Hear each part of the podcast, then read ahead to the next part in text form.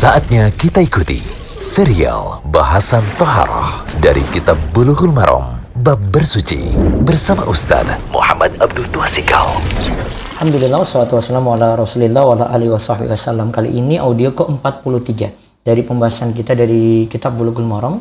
Masih dalam kitab Toharoh, kita masih dalam pembahasan pembatal wudhu. Kali ini kita lihat hadis ke-79. Nah, kali ini kita lihat hadis ke-79. Ini membicarakan, hadis ini membicarakan tentang najis keluar dari selain dua jalan, apakah membatalkan wudhu ataukah tidak. Dan ini membicarakan tentang masalah bekam juga.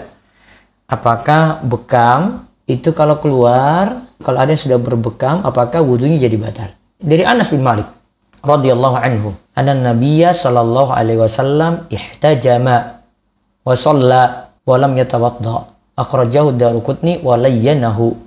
Dari Anas bin Malik radhiyallahu anhu ia berkata Nabi Shallallahu alaihi wasallam berbekam dan sholat lalu beliau tidak berwudu.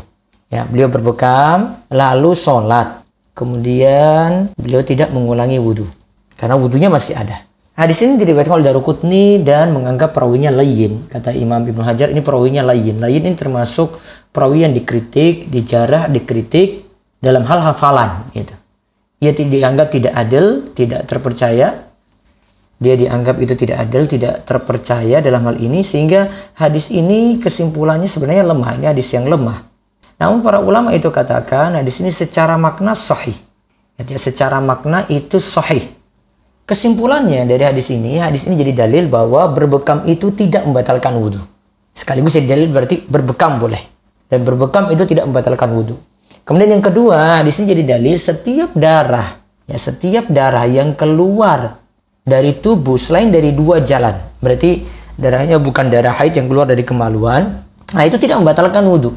Seperti apa? Seperti mimisan, darah dari gusi, baik darahnya dalam jumlah banyak ataukah sedikit, itu tidak membatalkan wudhu. Walaupun sebelumnya kita telah bahas ya darah itu najis. Darah itu najis ingat. Namun kalau keluar dari selain dari dua jalan tidak membatalkan wudhu. Wallahu demikian serial bahasan toharah dari kitab bulughul maram bab bersuci bersama Ustaz Muhammad Abdul Tuasikal